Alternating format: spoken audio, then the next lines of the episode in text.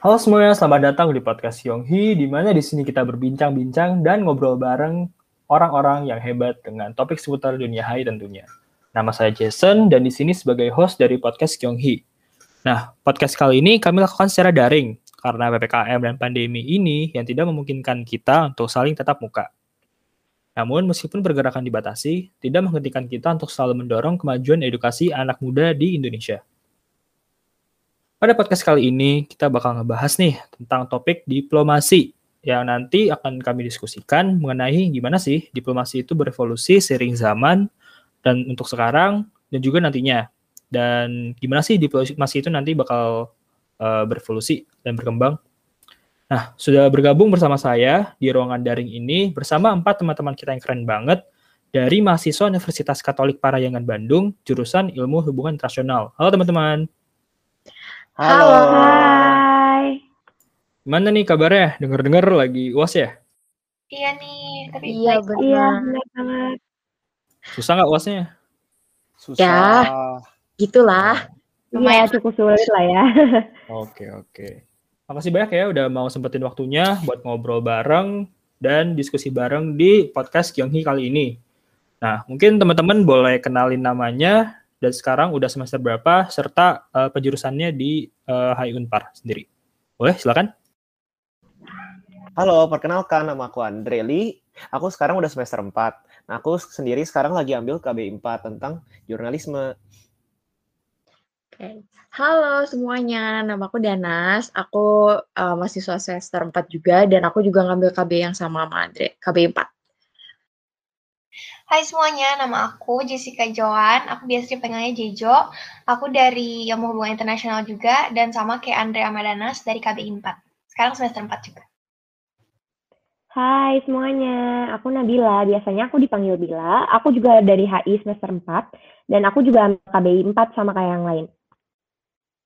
Oke, oke. Wah, berarti kalian semua kayaknya tertarik banget nih sama dunia jurnalisme gitu ya? Bener banget. Bener banget. Oke. Okay, okay. Iya betul. Oke, okay, thank you teman-teman perkenalannya. Nah, mungkin untuk membuka diskusi kali ini, aku bakal membuka dulu nih dengan topik yaitu mengenai diplomasi. Nah, biasanya kalau buat orang awam itu kalau dengar kata diplomasi, ya pasti identiknya dengan kayak HI, politik, uh, jadi diplomat, hubungan antar negara, dan masih banyak lagi pastinya. Nah, mungkin diplomasi itu gimana ya, kayak umumnya atau biasanya kalau prakteknya itu um, ada dua diplomat dari masing-masing negara yang ketemu buat saling ngobrol, buat saling ngopi, dan tentunya buat menjalankan tugas diplomasinya dari masing-masing uh, negara. Nah, mungkin sebelum diskusi lebih lanjut, teman-teman mau memaparkan dulu nggak nih tentang diplomasi sekarang ini gimana? Uh, biar para teman-teman pendengar podcast kita tahu lebih banyak nih. Boleh uh, aku persilakan? Aku boleh nggak kasih pendapat aku? Boleh, boleh Danas. Silakan Danas. Oke, jadi kalau aku sendiri ya sekarang kan um, kita ngelihat kalau misalnya teknologi udah berkembang banget dong ya, apalagi sekarang di tengah-tengah pandemi kayak gini kita sebagai manusia semakin bergantung sama teknologi. Nah, menurut aku sendiri ya setelah aku ngeliat juga dan aku baca-baca berita itu sekarang diplomasi tuh udah masuk era digital gitu teman-teman. Dan jadi gini, uh, digital diplomasi itu adalah diplomasi yang memanfaatkan um, teknologi-teknologi sekarang mulai dari Twitter, terus Instagram, terus kayak Meet juga dan lain-lain. Nah, tapi tapi nih digital diplomasi itu ternyata banyak lagi jenisnya gitu. Nah, kalau aku sendiri tuh aku tahu ada beberapa nih. Salah satunya tuh ada diplomasi virtual. Nah, kemarin kalau misalnya kalian sempat tahu mungkin uh, pertemuan G20 tahun 2020 namanya G20 Leader Summit itu diadakan secara virtual. Terus juga ada lagi Diplomacy nih. Diplomacy itu kalau misalnya kalian anak-anak Twitter ya, kalian pasti tahu dong kalau misalnya um, Twitter tuh merupakan platform yang banyak banget dipakai orang dan salah satunya juga dipakai sama Presiden Amerika yang namanya Donald Trump. Dia sering banget tuh diplomasi lewat Twitter. Terus juga uh, Cina aja juga sering banget pakai platform Twitter buat uh, menyampaikan kepentingan nasionalnya gitu.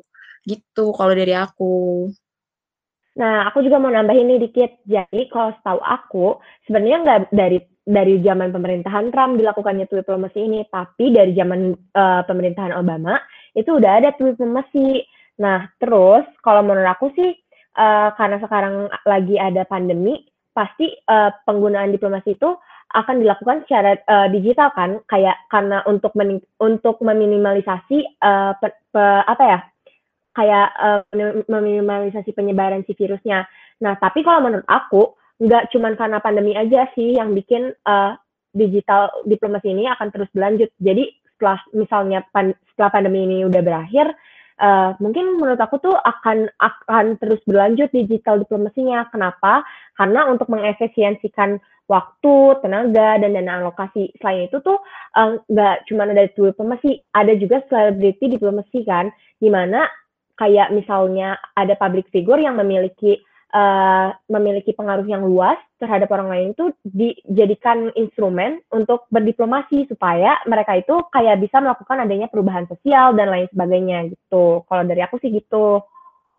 Oh oke, okay. berarti um, itu tuh lebih kayak ke soft power gitu ya. Berarti bisa dikatakan uh, diplomasi itu sebagai uh, salah satu bentuk dari soft power. Soalnya kayak tadi kan nah. mungkin dibilang kayak ada artis, mungkin kayak waktu itu juga contohnya siapa ya, ada BTS gitu kan ngomong di UN itu kan iya benar ya? banget tuh. Itu bisa kayak ngerangkul gimana ya kayak satu dunia gitu kan yang fans-fansnya BTS jadi kayak banyak orang mungkin bisa lebih uh, gimana ya punya wawasan lebih mengenai diplomasi. Uh, oke okay, mungkin iya, ada yang mau nambahin? oh, oke okay, boleh. Sorry sorry ya.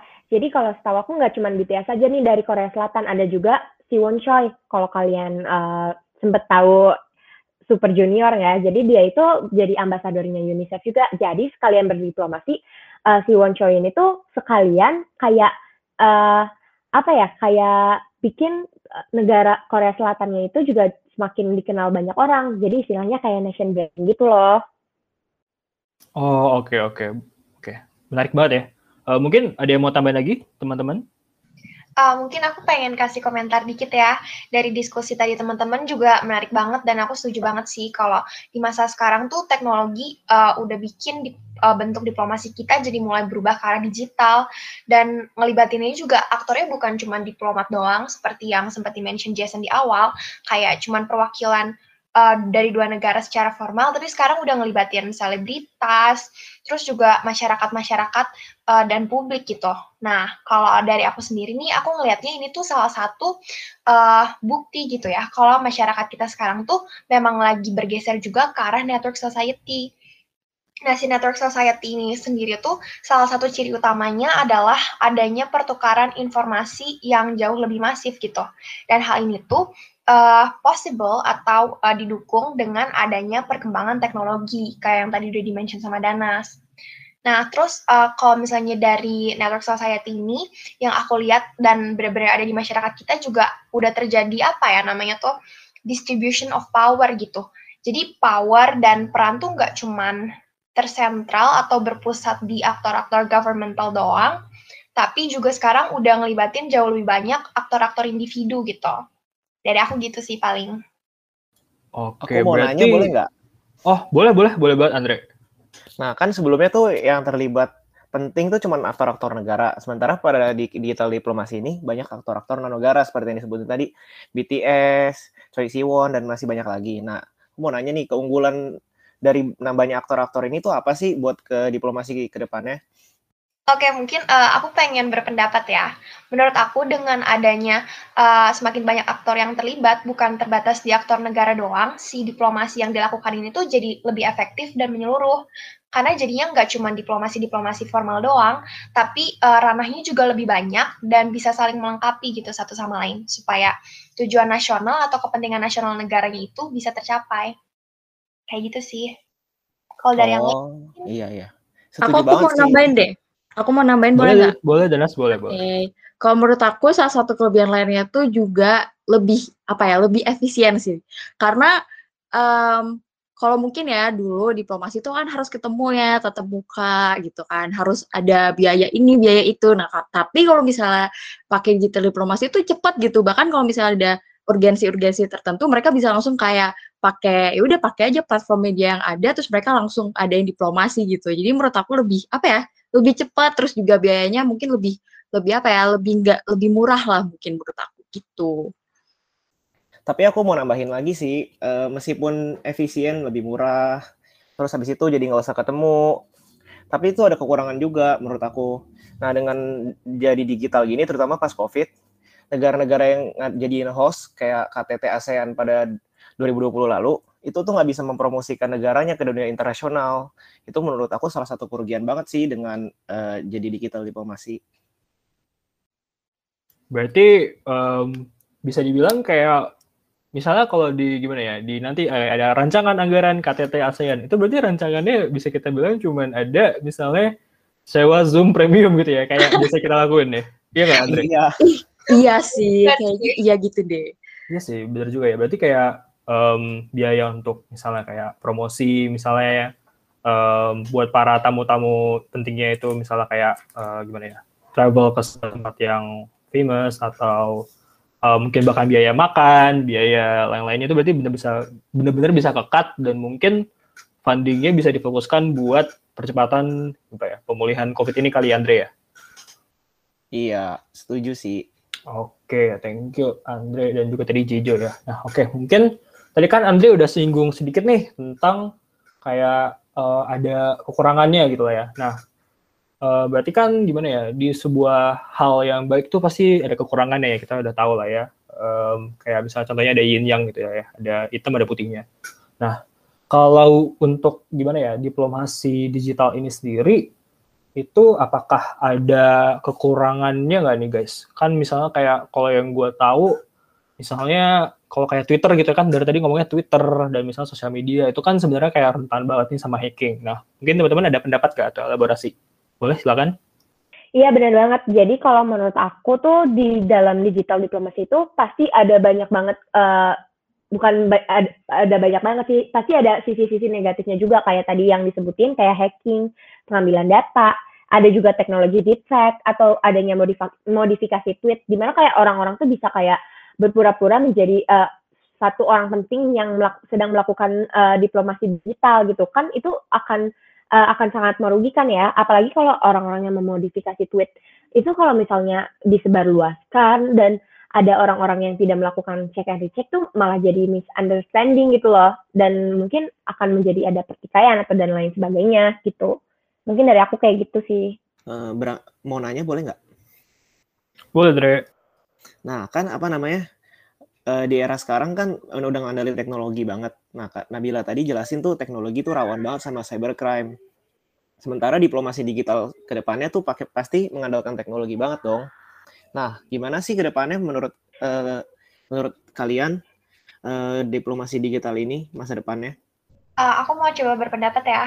Jadi kalau menurut aku sendiri sebenarnya uh, seperti yang tadi udah di-mention juga, kalau diplomasi digital ini tuh mungkin pertamanya kita lihat ini efektif banget dan efisien dan sangat membantu gitu. Apalagi di masa-masa pandemi ini, digital diplomasi kan mungkin jadi salah satu resource utama untuk negara tuh bisa ketemu dan menyampaikan kepentingan negaranya gitu.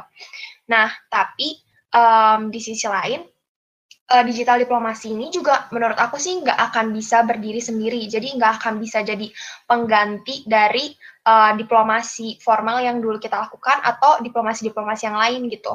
Jadi mungkin ke depannya si digital diplomasi ini akan lebih seperti melengkapi gitu diplomasi-diplomasi formal atau diplomasi lain misalnya uh, diplomasi ekonomi, diplomasi budaya, kayak yang tadi sempat dimention sama Andre juga kalau misalnya kita nge-host KTT ASEAN terus kita uh, bisa sambil mempromosikan kebudayaan kita juga diplomasi publik. Jadi menurut aku sih si digital diplomasi ini akan jadi bagian dari uh, diplomasi yang dilakukan negara tapi nggak akan jadi resource satu-satunya gitu. Karena kan kalau misalnya kita nggak ketemu cuma melalui ruang virtual doang kayak gini, um, sebenarnya masih bisa sih, cuma jadi ada keterbatasan aja. Mungkin lebih di uh, human connection, terus body language, um, apa ya, kayaknya bakalan lebih terbatas gitulah konektivitas antara satu orang ke orang lainnya gitu. Dari aku gitu sih. Oke oke, wah ternyata uh, menarik banget ya, uh, banyak banget kayak aspek-aspeknya tentang uh, digital diplomasi ini. Uh, aku juga pengen kayak uh, gimana ya, kayak ngomong juga jadi kayak barusan nih aku kayak ngecek itu kayak uh, mengenai deepfake. Waktu itu tuh pernah guys, ternyata uh, ingat gak guys kayak waktu itu tuh di Amerika uh, ke, apa Capitol Building tuh di raid sama warga-warganya. Pernah ada yang tahu nggak? Iya nah, ya. Aku Jadi pernah tuh tahu. waktu itu tuh pernah muncul uh, ada sebuah video di mana kayak uh, Trump itu uh, ngomong kayak untuk semua orang yang kayak apa ya terlibat dalam aktivitas kemarin itu uh, kalian akan kayak gimana ya membayarnya dan kalian itu bukan lagi kayak gimana ya warga negara Amerika. Dan padahal itu kayak itu adalah sebuah video yang fake. Itu menggunakan uh, ap- apa teknologi deepfake dan itu membuat geger banget satu uh, apa namanya satu bangsa gitu ya satu bangsa Amerika yang bisa sampai kayak menggiring opini gitu. Yang padahal itu sebenarnya kayak bohongan. Jadi kayak bener sih uh, uh, aku setuju banget kayak uh, gimana ya? Kalau yang mengenai kayak hmm, the downside of digital diplomasi contohnya kayak yang gimana ya teknologi deepfake atau hacking itu tuh bisa kayak bener-bener uh, gimana ya menggiring opini publik. Dan juga tadi buat yang dari uh, Jejo itu bener banget tuh. Kan biasanya kan kayak kalau yang kita tahu misalnya kalau orang misalnya kita sendiri deh misalnya kita kalau kayak lagi nugas itu biasanya kita sambil ngopi sambil makan itu kan kayak rasa lebih intim ya nggak sih guys Bener. Bener. cuman kan kayak Bener sayang banget, banget gitu ya. Sekarang kan kita lagi dalam kondisi pandemi ini kita ya cuma bisa ngopi tapi lewat zoom aja gitu. Jadi kayak agak-agak kurang berasa. Jadi gue setuju banget tuh tadi. Um, maaf. Saya setuju banget tuh tadi uh, di bagian yang kayak tidak ada human connection-nya. Nah oke.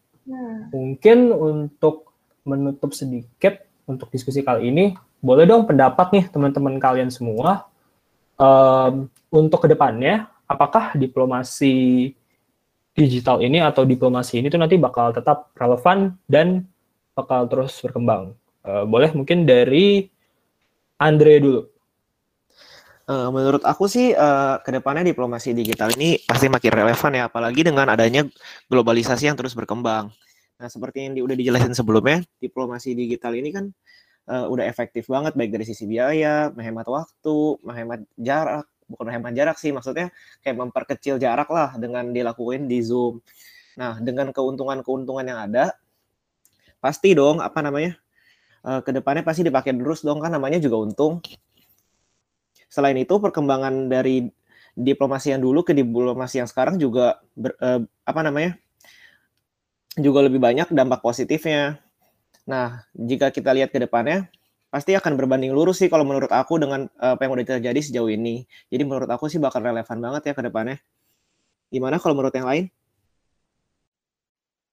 Oke, kalau aku, kalau aku sendiri sih ngelihatnya iya sih relevan, apalagi juga semakin hari teknologi kita tuh bakal semakin maju juga dan kayaknya bakal sulit banget deh buat kita manusia tuh untuk memisahkan diri dari teknologi. Pasti makin kepake sih ke depannya juga, meskipun mungkin tetap ada beberapa kekurangan, tapi mungkin ya bisa lah mulai keluar solusi-solusinya itu gimana gitu. Tapi menurut aku masih relevan gitu. Oke, kalau dari aku em, sebenarnya sama juga jawabannya sama Andre sama Danas. Cuman eh, mungkin kayak seperti yang di awal aku pernah mention, dengan kita bergeser ke arah network society, si digital diplomasi ini tuh jadi semakin relevan more than ever gitu. Dan apalagi sama pandemi yang membuat kita tuh eh, harus meminimalisir hubungan tatap muka dan kontak fisik segala macamnya. Jadi si digital diplomasi ini semakin berkembang lagi. Cuman mungkin catatannya uh, yang penting tuh dengan berkembangnya digital diplomasi ini, masyarakat kita juga harus semakin berkembang dan semua aktor-aktor yang terlibat dalam diplomasi, baik itu governmental atau non-governmental actors juga harus berkembang untuk bisa apa ya, maximizing profit dari digital diplomasi ini gitu, supaya jangan sampai malah um, hubungan diplomasinya atau uh, digitalisasi diplomasi malah merugikan kita gitu. Lewat downside downside yang tadi udah dimention antara itu. Hacking atau misinformation dan segala macam. Jadi kayak masyarakatnya harus berkembang bersama dengan teknologinya gitu. Eh, kalau dari aku sih sebenarnya opini aku tuh nggak jauh berbeda dengan Andre, Jejo, dan juga Danas. Jadi menurut aku memang pandemi ini tuh emang bikin digital diplomasi itu sangat relevan ya untuk dilakukan.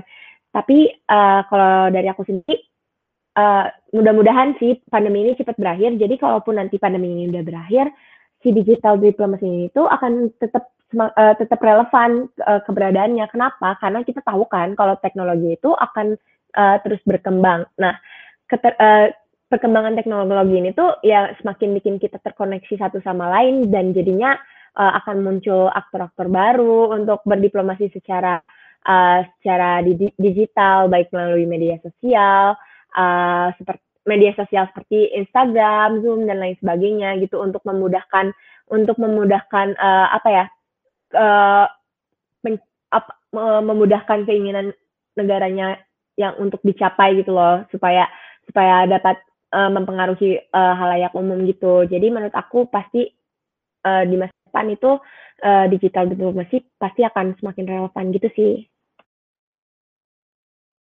Uh, aku mau nambahin sesuatu tentang digital diplomasi ini ya. Nah, kan kita tahu nih, apa namanya, sekarang tuh banyak jenis-jenis diplomasi baru, kayak tuh diplomasi, selebriti diplomasi, terus habis itu juga bisa diplomasi lewat Instagram. Nah, kan eh, diplomasi yang kayak gini tuh pasti sifatnya lebih terbuka dong, sehingga tuh network society tuh bisa ikut berpartisipasi langsung, kayak ikut komen-komen, ikut reply-reply di Twitter. Nah, tapi kan pendapat-pendapat mereka tuh nggak bisa disamakan karena tingkat intelektual network society juga beda-beda. Nah, perspektif yang berbeda-beda ini tuh pasti bikin uh, sal di, bisa disalahartikan dan bisa dijadikan uh, oknum-oknum tertentu untuk bikin konflik dong. Nah, ini menurut kalian tuh gimana sih ke depan uh, ke depannya kalau misalnya uh, kayak gini terus maksudnya gimana sih cara ngatasinnya? Um, kalau dari aku sih mungkin uh, sama kayak jawaban yang tadi ya. Jadi uh, dengan makin banyaknya aktor yang muncul di tengah masyarakat, yang mereka juga udah punya suara dan uh, misinformasi itu bisa lebih banyak terjadi dan segala macam perselisihan juga bisa makin marak gitu, ya masyarakat kita mau nggak mau harus berevolusi, harus berkembang supaya nggak cuma pakai smart technology doang, tapi jadi smart society juga gitu. Uh, oh iya, setuju banget sih sama Jejo. Uh, jadi kan apa namanya dengan berkembangnya zaman, masa intelek manusia nggak uh, makin berkembang, pasti manusia ke depannya makin ter, uh, pikirannya pasti makin terbuka dong. Jadi kayak mispersepsi itu tuh bisa dijadiin uh, keunggulan buat diplomasi digital. Kayak pihak-pihak yang ngelakuin itu aktor-aktor yang ngelakuin diplomasi digital itu tuh bisa jadiin perbedaan pendapat itu sebagai feedback bukan sebagai ancaman. Gitu sih kalau dari aku. Oh, oke okay, thank you. Oh, oke okay. Bu Sari Jojo boleh? Oke okay, aku jadi kepikiran nih gara-gara tadi Andre mention gitu ya. Menurut aku uh, sebenarnya dengan mungkin mispersepsi atau bisa kita bilang kalau misalnya ada kesalahan informasi, hoax, dan segala macamnya yang tersebar melalui uh, diplomasi digital ini, kayaknya uh, masyarakat kita juga sebenarnya bisa turut ambil andil untuk meminimalisir hal tersebut. Salah satunya tuh dengan menciptakan kerangka hukum atau regulasi yang bikin si digital space atau social media space ini tuh jadi uh, space yang tetap komunikatif, tapi nggak seenaknya informasi-informasi itu bisa tersebar tanpa ada kredibilitas gitu. Menurut aku dari government sendiri bisa ambil peran di situ sih. Oke, dan mungkin juga kita sebagai mana ya masyarakat yang hadir gitu ya, yang terlibat langsung ke dalamnya juga bisa mana ya. Cobalah kadang-kadang gitu kayak lagi makan pagi kayak atau lagi mungkin apa nongkrong sama teman-teman atau mungkin lagi belajar kayak baca-baca tentang mungkin kayak berita-berita dari sumber-sumber yang terpercaya atau kayak gimana ya pokoknya lebih terbuka terhadap dunia kita sekarang gitu ya mungkin ya. Mungkin seperti itu kali ya kalau aku bisa tanggapin dikit ya. Benar benar. Oke. Okay. setuju sih Jason. Mungkin ada yang lagi mau nambahin udah sih kalau dari aku segitu aja. Aku juga kayaknya cukup sih segitu. Dari aku juga cukup. Aku juga. Oke, nah mungkin sebagai kesimpulan dari diskusinya singkat aja ya. Jadi uh, diplomasi digital ini adalah sebuah bentuk ya bukan bentuk diplomasi yang tradisional dan ini merupakan terobosan yang baru dalam ranah diplomasi dan meskipun uh, dalam diplomasi digital ini tuh banyak keuntungannya, tapi juga masih banyak aspek-aspek yang tidak dapat tergantikan dalam diplomasi itu sendiri. Dan pastinya juga ada kekurangannya. Dan diplomasi digital ini uh, bakal terus relevan karena uh, berhubungan dengan adanya gimana ya teknologi yang sampai sekarang tuh masih terus berevolusi, masih terus berkembang. Berarti kayak masih banyak sebenarnya hal-hal yang belum kita tahu atau bahkan belum ada dan juga belum kita eksplor dari uh, sisi digital diplomasi ini sendiri. Nah, oke. Okay. Um, terima kasih banget ya teman-teman untuk sharing ilmunya pada hari ini. Semoga apa yang kita lakukan kali ini dapat terus membantu majunya edukasi, terutama di kalangan anak-anak dan remaja di Indonesia.